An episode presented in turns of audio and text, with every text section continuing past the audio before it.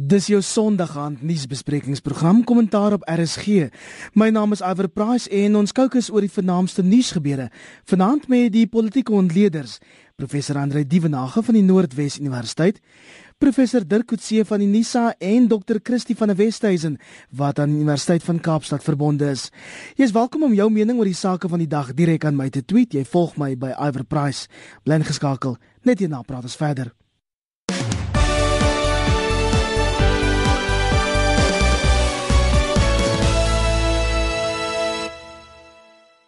Kollegas, een van die hoofberigte vanaand is steeds die dood van Peer Kortjie wat sedert Mei 2013 in Jemen aangehou is.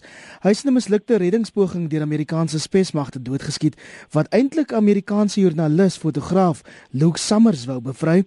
Andre so opspraakwekkend is hierdie saak dat president Barack Obama self sy medelee betoon het en Gift of the Givers, mens in Suid-Afrika, sê nou hulle verkwalik nie die Amerikaners nie.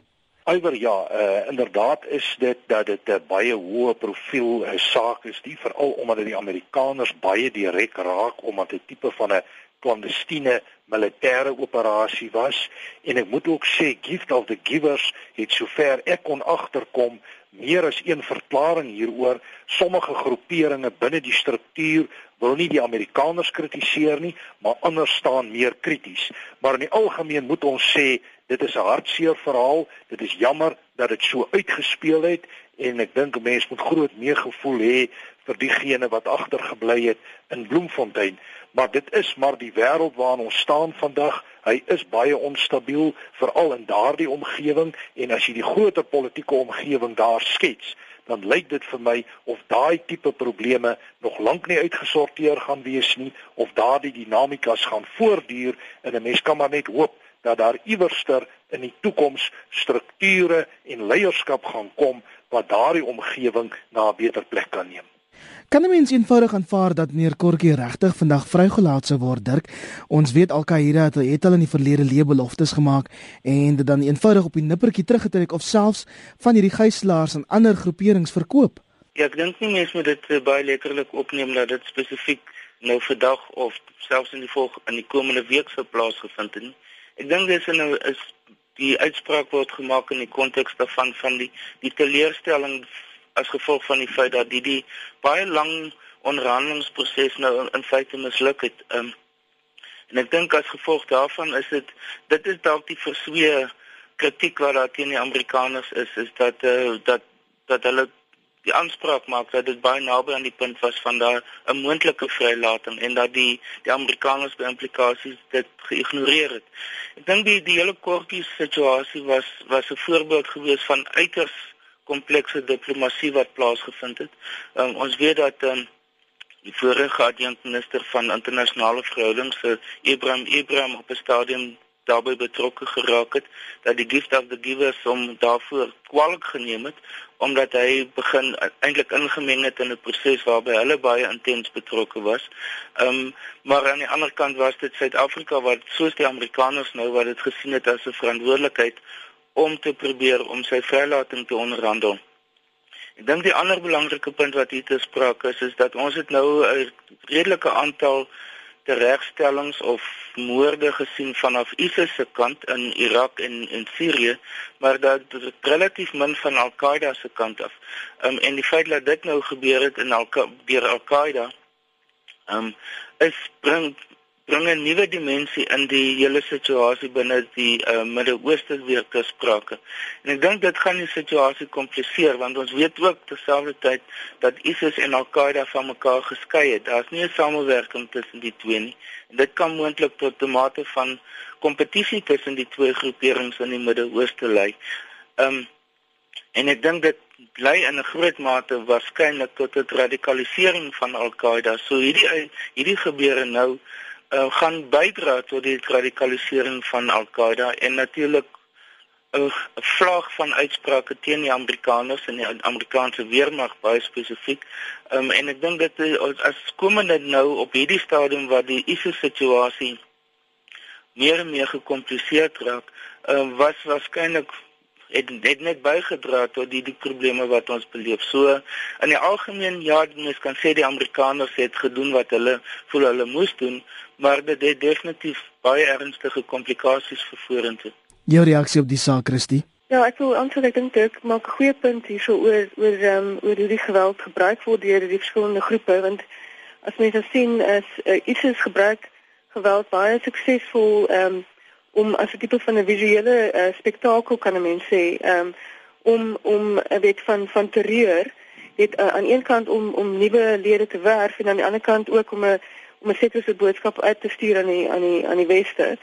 En en uh, en mens mens is natuurlik besorg nou dat Al-Qaeda um, in 'n in 'n soort van kompetisie situasie dan intree waar hulle dan moontlik hulle self tot dieselfde soort metodes ehm um, sou wend. Jy weet so mens mens hoop net ehm um, maar ons moet sien hoe hoe, hoe ontplooi dit verder dan. En terug op eie bodem met Eskom die naweek vir die eerste keer sedert die energiekrisis in 2008 fase 3 beerdkrag ingestel. Met ander woorde, met fase 3 hulle wil tot 4000 megawatt spaar. Op hierdie oomblik is fase 2 beerdkrag nog tot 10uur vanaand ingestel en fase 2 beteken dan dat 2000 megawatt krag besnoei moet word. Christie, die publiek het alle vertroue in Eskom verloor en dit lyk of 'n paar donker jare ons voorland is of sien jy 'n lig in die tonnel? Nee, ek vrees geen dat die lig in die tonnel is is is 'n uh, hele klompe jare ver. Dit lyk asof ons eers hier so oor 5 jaar, jy weet, uh, waarskynlik teen 2019 uit hierdie situasie uit gaan wees.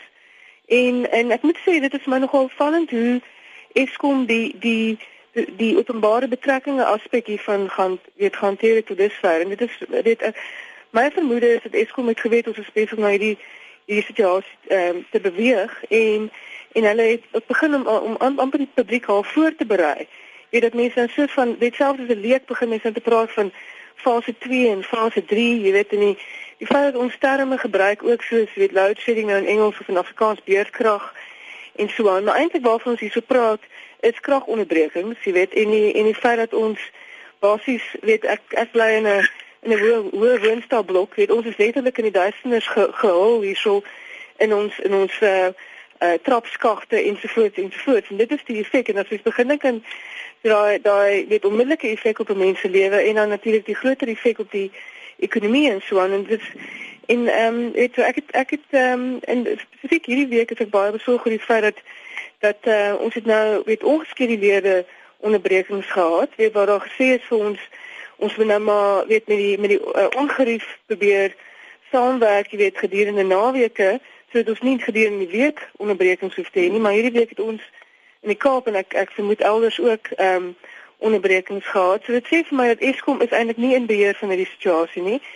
En hulle probeer met hierdie weet Andrew Itzinger is 'n is 'n baie is hy's nogal ehm um, gladbekkig en swaan en ek dink hulle probeer met hierdie hele openbare betrekkinge en benadering van hulle probeer hulle ons net maar saamneem met wat eintlik 'n rampspoedige situasie is vir ons ekonomie.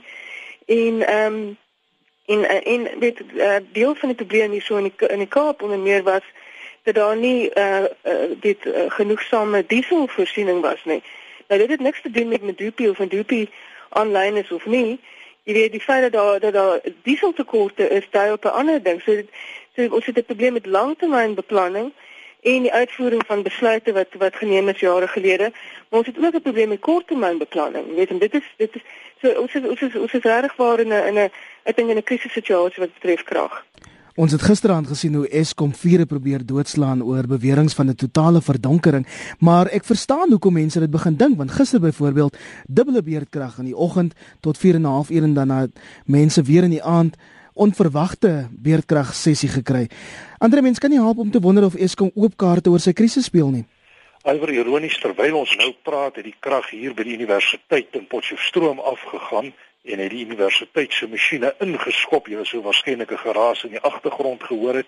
So ek dink inderdaad ons sit hier met groot uitdagings, maar ek wil die saak 'n bietjie breër gaan haal. Ons het so 'n tyd gelede 'n studie hier voltooi oor tendense wat ons noem die verswakkende staat. En ons sien dit op talle punte nou uitspeel en Eskom is by uitstek 'n voorbeeld in hierdie verband.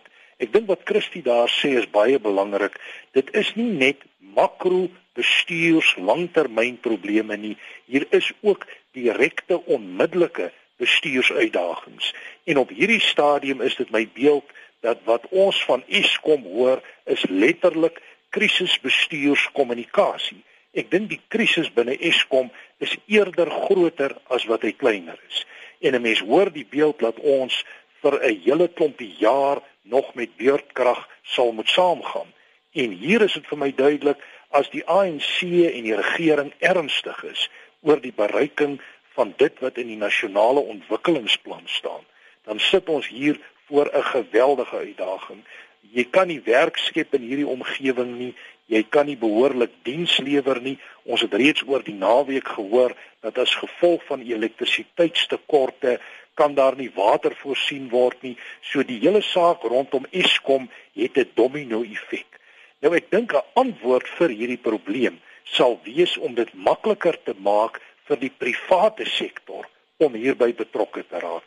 En ek dink hier is groot maatskappye en ondernemings in Suid-Afrika wat hierdie saak baie vinnig en baie daadkragtig kan aanspreek.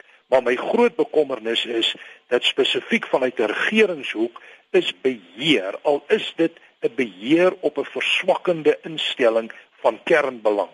En in hier in hierdie opsig sien ek die regering en die ANC en hulle bestuur van die hele Eskom uh, drama as problematies. Ek dink hier moet op 'n ander vlak gedink word. Hier moet gekyk word in belang van Suid-Afrika, al sy mense, ekonomiese ontwikkeling, groei, dienslewering en so meer en ek is bevrees ek sien dit nie op die oomblik baie sterk nie. Ek sien eerder 'n regering wat wil beheer hou op 'n verswakkende instelling ten alle koste ten einde hulle beeld te beskerm en dit is hartseer. As ons kan aansluit by daai storie oor beheer, al hoe meer oproepe dat die minister van openbare ondernemings, Lynn Brown, weens die krisis moet bedank, maar sy uiteindelik hierdie gemors relatief onlangs geërf dirk. Ja, nee, dit is inderdaad so en ek dink sy probeer ook met met van die ander openbare instellings waarskynlik met 'n effens van 'n nuwe benadering wat 'n uh, eh, hopelik beter resultate sal lewer soos byvoorbeeld met die lugdiens wat ook in 'n in 'n soortgelyke situasie amper as Eskom is. Uh, so ek dink nie mens moet daar blameer vir die die huidige situasie nie. Um, dit het 'n baie lange geskiedenis. Ek dink die van die van die groot verkeerde besluite wat geneem is is eerstens dat hulle nie 'n uh, private uh, kragopwekking vir baie lang tyd wou toelaat en dat mense dit kan terugverkoop aan die nasionale um, stelsel nie. Um, tweedens dink ek die die feit dat daar soveel klim gelewer word op die gebruik van steenkool um, en dat alternatiewe in 'n groot mate uitgesluit is in die verlede Ons weet dat daar nou sprake is van die moontlikheid van kernkrag. Dit is baie kontroversieel. Die feit dat die Russe so direk betrokke daarbey is, maak dit nog meer kontroversieel gegee die huidige vlaag van sanksies wat meer en meer teen die Russe ingestel word. Um, en ek dink byvoorbeeld die besoek van president Zuma nou aan aan China het waarskynlik ingesluit um, bespreking oor die moontlike gebruik van Chinese uh, kernkrag want dit is een van die opsies wat daar bestaan. Maar ek dink wat ons die Eskom betaal nou die prys van 'n reeks van besluite of gebrek aan besluite of verkeerde besluite wat hulle geneem het um, en wat gelei het tot die feit dat daar 'n oorsentralisering van kragopwekking nou is. Um, dat daar nie genoeg op munisipale vlak byvoorbeeld 'n um, krag opgewek kan word nie wat in die verlede soms nog die geval was. en dan die die oor uh, beklemtoning um, van die gebruik van steenkool. Nou dit lei tot nuwe steenkoolmynontwikkeling veral in Limpopo en ander plekke. En ek vermoed dit is een van die belangrikste basisse waarop swart ekonomiese bemagtiging deesdae gebaseer is. So dit het wyeer implikasies of oorwegings wat ter sprake is om ons eintlik in te druk in hierdie tonnel van 'n spesifieke benadering tot tot energieontwikkeling of elektrisiteitsontwikkeling in Suid-Afrika. In ander nuus, president Jacob Zuma sê voortgesette samewerking tussen Suid-Afrika en China sou help om sy groeikoers tot 5% op te stoot en meneer Zuma was nog tot gister in Beijing, China om vier bilaterale ooreenkomste te onderteken. Maar Andre, die handel tussen die twee lande is maar grootliks in China se guns. Alweer ja, die syfers reflekteer negatief.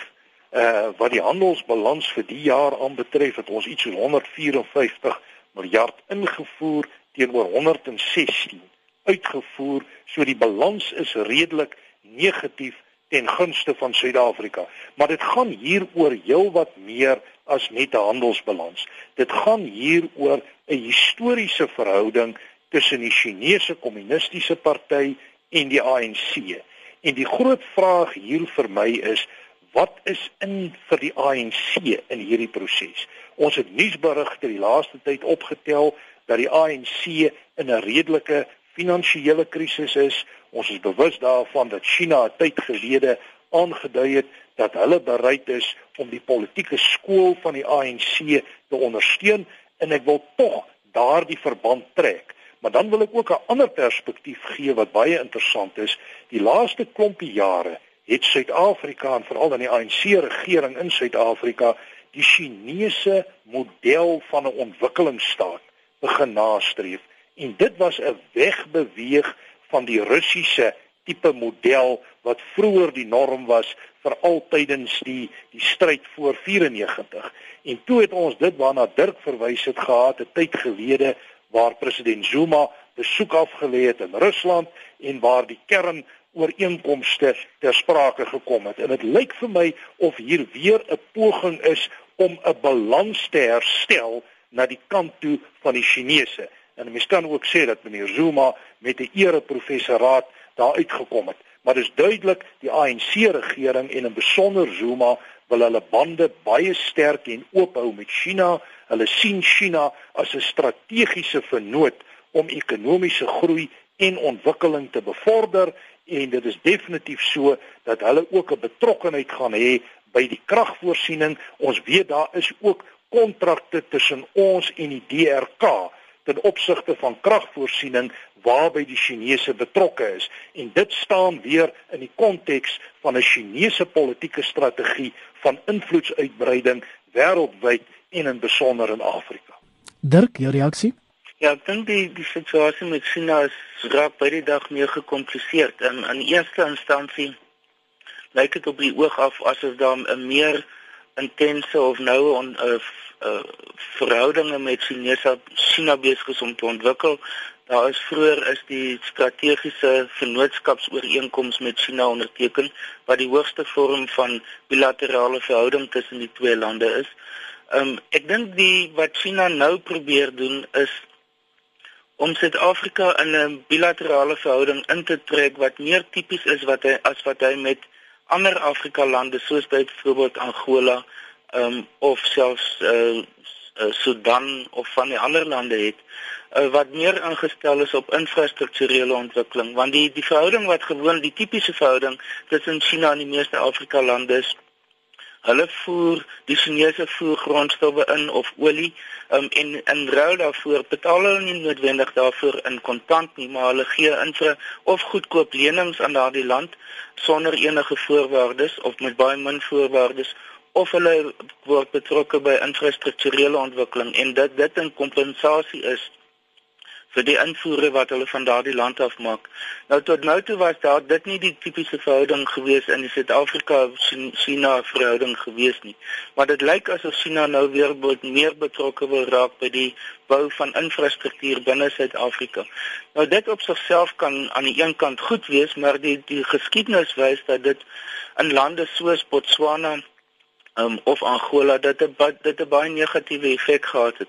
Um, dit het eerstens die plaaslike konstruksie bedryf het dit negatief geraak want dit het nou goedkoop kompetisie geword vir bestaande infrastruktuur en die daardie die bestaande bedryf het daar is daardeur negatief geraak. Mens dink byvoorbeeld um, aan die tekstielbedryf in Suid-Afrika hoe dit omtrent in 'n groot mate deur die Chinese nou so oordonder word dat daar nie meer 'n Suid-Afrikaanse tekstielbedryf regtig bestaan nie.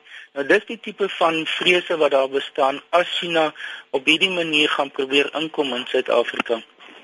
Ek dink China word voorgestel deur lande soos nou president Zuma maar uh, byvoorbeeld Zimbabwe want China het baie sterk bande met Zimbabwe ook in Mosambiek en ander lande.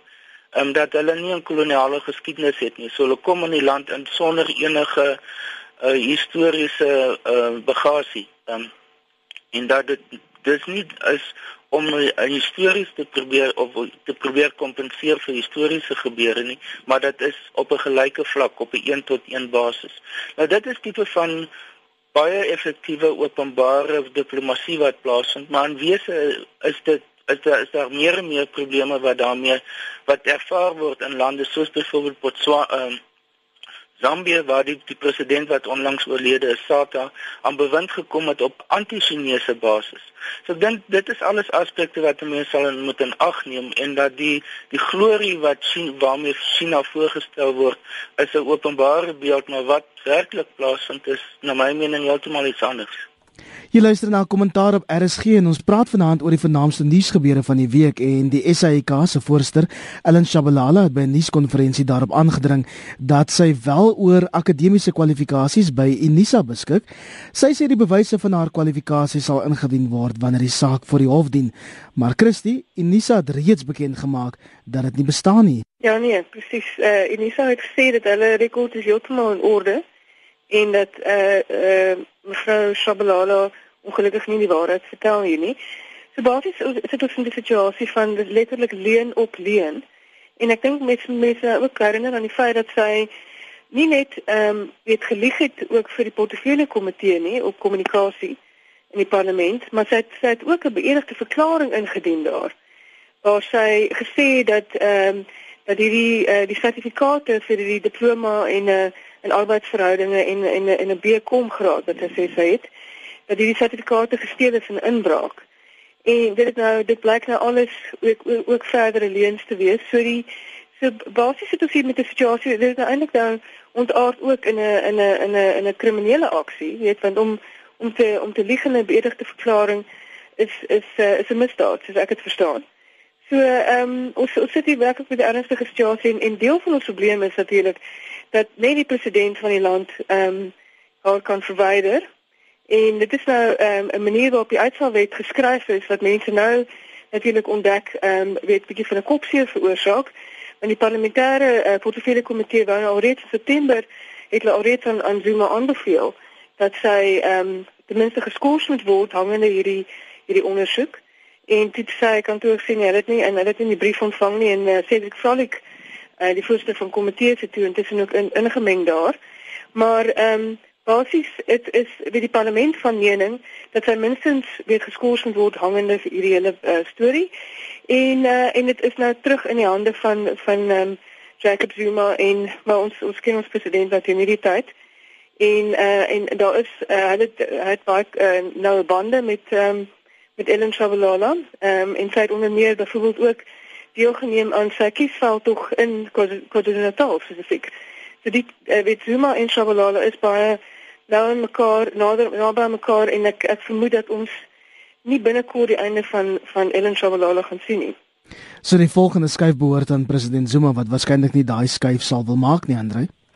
Iwer ja, jy sal waarskynlik ook hieroor self kan kommentaar lewer, maar my indruk is dat daar by die SAIK of die SABC in die algemeen deesdae 'n sentralisering is van beleid ten opsigte van redaksies en hoe hulle veral politieke debatte en gesprekke moet struktureer en moet fokus.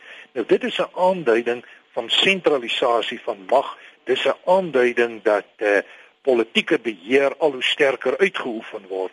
En dit kan net wees binne so 'n konteks dat mevrou Chabalala dalk kan skotvry kom maar ek moet duidelik sê en komende uit 'n universiteitsomgewing en Dirk sal daaroor meer kan sê vanuit 'n Unisa perspektief ons kan vreeslik maklik toegang kry tot 'n student se akademiese rekord So daar kan nie twyfel daaroor wees nie. Daai inligting is gewoonlik akkuraat. Ek moet eerlik sê ek betwyfel nie Unisa se akkuraatheid ten opsigte van die kwalifikasies nie.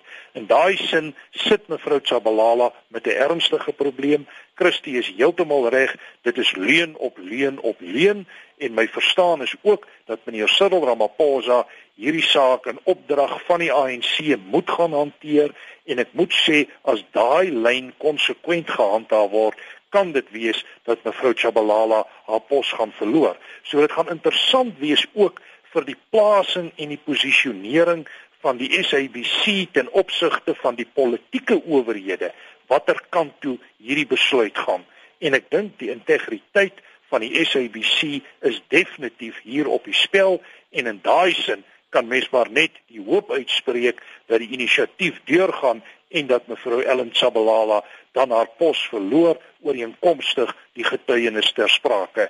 Ek dink dit is baie belangrik dat ons 'n SABC het wat onafhanklik is, wat 'n openbare uitsaaier is en wat nie verbind word aan individue wat kontroversieel is. Dirk Ja, wel eerstens moet ek sê ek is by Nisa, so ek is in 'n sekere sin net nou effe van 'n konflik van belange in hierdie situasie. Ek hoop dat die Nisa van sy kant af ehm um, op die absolute korrekte inligting beskikbaar gestel het. Ehm um, die een moontlikheid waar daar nie 'n probleem kan wees nie, maar wat dalk 'n mate van 'n verduideliking kan wees as gaan oor identiteitsprobleme. Dit beteken dat daar nog 'n ander ehm um, Ellen Chabalala kan wees. Ehm um, maar ek dink uh, daardie tipe van moontlikheid het hulle probeer om um, om uh, te ver, te vermy, net sodat daar nie uh dat dan nie met die verkeerde persoon te maak het soos wat sy die aanspraak wat sy op die oomblik maak dat dit dat dit die geval is nie.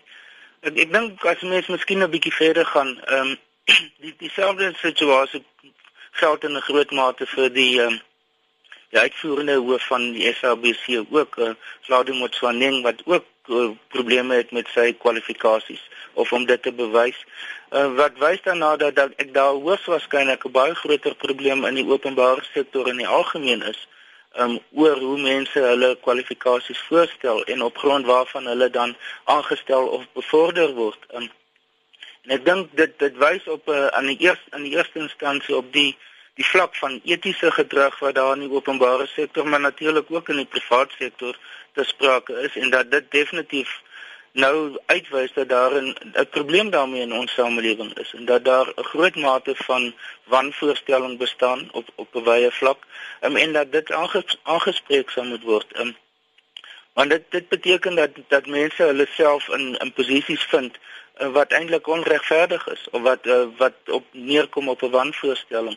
En ek dink wat wat sou moet plaasvind is dat dwars deur die bank in Suid-Afrika daar dat daar stappe geneem moet word om hierdie tipe van wanpraktyke baie beter aan te spreek. Want dit is dit skep suspicie dit skep 'n gevoel van van dat mense wegkom met moord in 'n in 'n groot geval nou in 'n figuurlike sin. Um, maar dit beteken ook dat daar dat dit ook die die opvoedkundige instellings se geloofwaardigheid dikwels onder druk plaas. Omdat mense dat dit eintlik voorstel asof kwalifikasies van minder belang is um, en dat dit nie noodwendig van deurslaggewende uh, impak het um, op besluitneming nie omdat daar soveel wanvoorstellings moontlik is. So ek dink dit is aspekte wat ons sal moet in ag neem, maar dat daar daar werklik baie spesifiek opgetree moet word teen persone wat uitgewys word veral in die openbare sektor. Dit is definitief baie belangrik.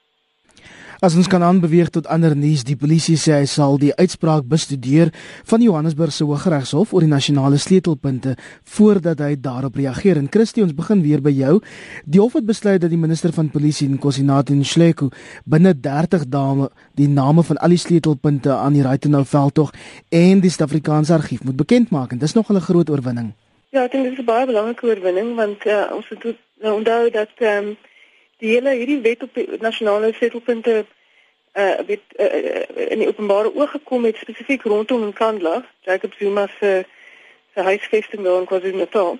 En en die ehm um, wat ons sien is 'n tipe van 'n misbruik van hierdie is basies ou apartheidswet wat wat nou gebruik word wanneer wanneer daar openbare aandag gefestig word op 'n plek soos Nkandla, dan word die plek nou skielik 'n nasionale setelpunt verklaar en mag mense nou niks verder maar op 'n stadium in 'n vroeë stadium toe die ehm um, toe die beweringe rondom Nkandla uh, rigbaar geraak het was daar selfs dreigemente dat joernaliste mag nie gaan en foto's neem van die plek nie en so aan jy weet so so dit is 'n totale misbruik van ou apartheidswet om om uh, om sekere plekke nou uh, weet te verklaar as as um, as er mag geen uh, weet uh, media dekking is daaroor nie en mense mag nie na die plek self weet gaan en dit en dit gaan besigtig en so aan nie.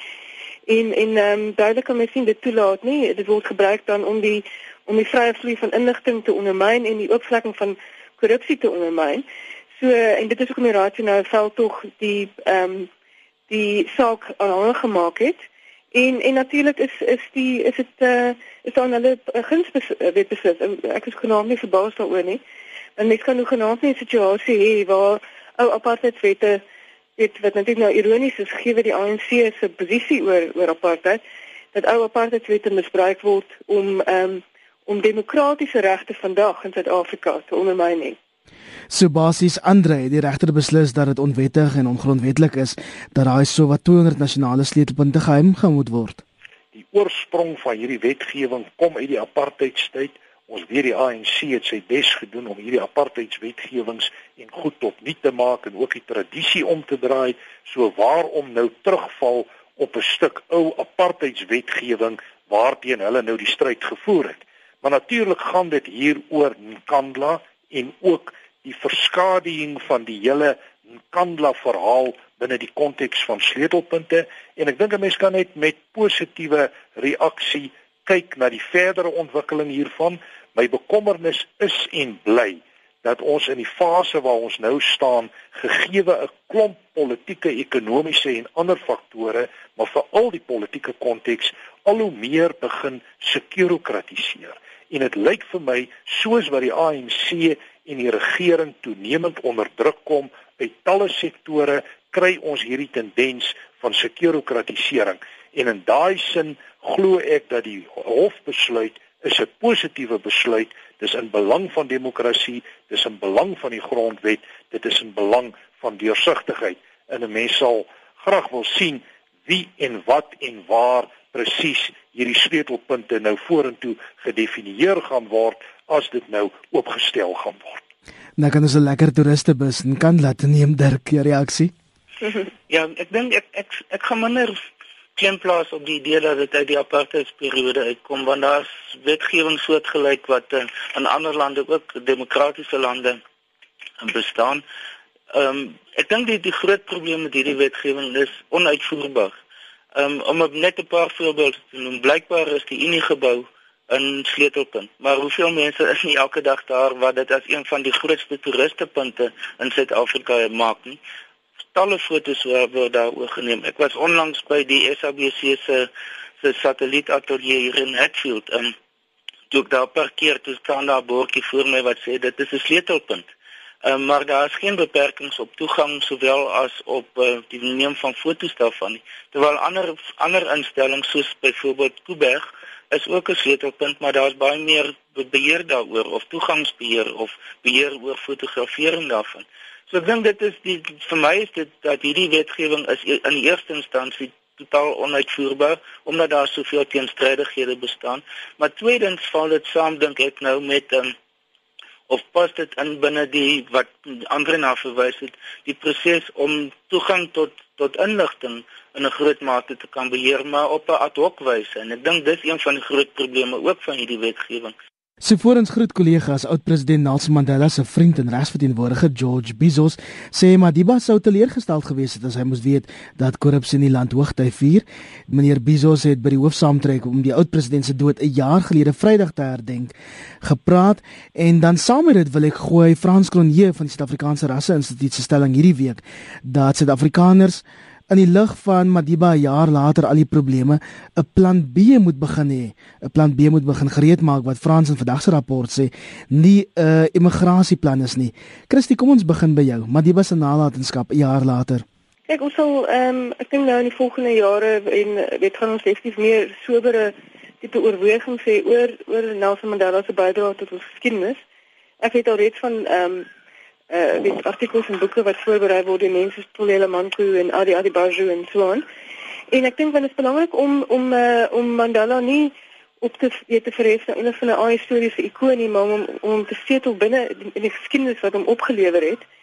En dan sal ons ook kan sien dat ehm um, Peter Mandela was ehm um, baie geheg aan sy aan aan die ANC en die ANC was en weet in 'n groot mate was die was die promosie en die in die die bevordering van die ANC en die ANC die verdieping van die ANC se mag was 'n groot deel van van waarmee Mandela besig was weet jy hele jare lank. En ehm um, weet ek het nou byvoorbeeld gister op die week in Augustus se voorblad opgemerk dat daar 'n storie ehm um, wat verwys na ehm um, dat hy dat daar 'n opvolg gaan wees vir Long Walk to Freedom dit sy autobiografie en dat daai die uit hy blykbaar 'n hele klompie ander hoofstukke geskryf na 1998 en en hy die uit 'n lysie opgestel van mense wat nou hierdie hoofstukke mag kyk en wat ehm um, veranderings mag aanbring en en en wat ook goed kan byvoeg as hulle wil. En daai lysie sluit in mense soos Jacob Zuma, eh uh, Cyril Ramaphosa, Mac Maraj en eh uh, Joel Mtetendi. So die feit dat weet Zuma byvoorbeeld op haar lysie is, jy weet sê vir jou, weet Mandela se sy eerste belang was by die ANC en dit is interessant hoe die so in sy kop dan sy autobiografie is nie net van homself nie, dit is eintlik van homself in verhouding tot die ANC en in watter mate dit die ANC bevorder. Jy weet so ehm um, want die want die idee is hier so dat hierdie hierdie hierdie groepie mense ehm um, sou kon sou basies kon insette lewer in wat basies nou uh, sy verhaal is, sy verhaal as leier en en as mens, jy weet. So so wys vir daai noue so vanaf ehm um, maar ek dink Mandela en die ANC is so ineengespring om dit kan eintlik die twee reg onderskei van mekaar nie en ek dink 'n behoorlike historiese ehm um, dit moet dit het verder historiese ontledings reg nodig hiervan om dit om dit behoorlik te verstaan. Die tyd is besig om ons in te haal, Andre baie kortliks. Iwer ja, as ek vinnig na meneer Mandela se posisie kyk as staatsman, dink ek sou hy bekommerd gewees het oor wat in Suid-Afrika aan die gebeur is. Mens dink net aan die hele uitspeel van uh, die saak rondom Tuli Madonsela, die nasionale vervolgingsgesag en Kandla om een voorbeeld te noem. Mens dink aan diensleweringprobleme en ander sake, maar ek dink wat hom veral baie negatief sou moes stem is dit wat binne die ANC aan die gang is dat die jeugliga nie eers 'n behoorlike konferensie kon hou nie en hy was een van die kernlede wat bygedra het tot die totstandkoming van die jeugliga binne die ANC. In die algemeen funksioneer hy steeds as 'n tipe van 'n morele kompas binne die Suid-Afrikaanse konteks en ek dink as jy daai kompas moet aanlê op die Suid-Afrikaanse politieke omgewing is die beeld wat jy terugkry nie 'n baie positiewe beeld nie. Ten slotte net iets oor Frans Cronje se scenario's. Ek is vertroud met die scenario's. Dit was deel van sy PhD wat hy hier by my gedoen het en dit is duidelik dat hy sterk oorhel na die meer negatiewe scenario, die slegte saak scenario en ek dink hy het sterk redes en argumente om dit wel te bied. Wat ek net wel wil noem is dit is nie sy enigste scenario nie. Daar is ook ander scenario's, maar daar kan gronde geïdentifiseer word vir die tipe perspektief wat hy daar huldig. Ek dink wat president Mandela is daar nog gaan ons nog baie moet praat. Um, in 'n groot mate is die openbare debat dink ek het nog nie begin nie. Uh, dit gaan eerder oor uh, oor wat na sy dood hoe mense voel. Dit is nog baie emosioneel tot 'n groot mate. Ek dink daar's daar's nog 'n geweldige groot ondersteuning vir president Zuma uh, Mandela.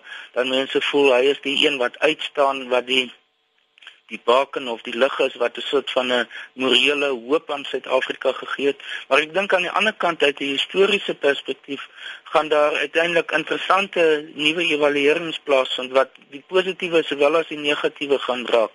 Ehm um, byvoorbeeld sy buitelandse beleid oor die algemeen was was baie problematies geweest. Byvoorbeeld ons president Zuma was nou in in China.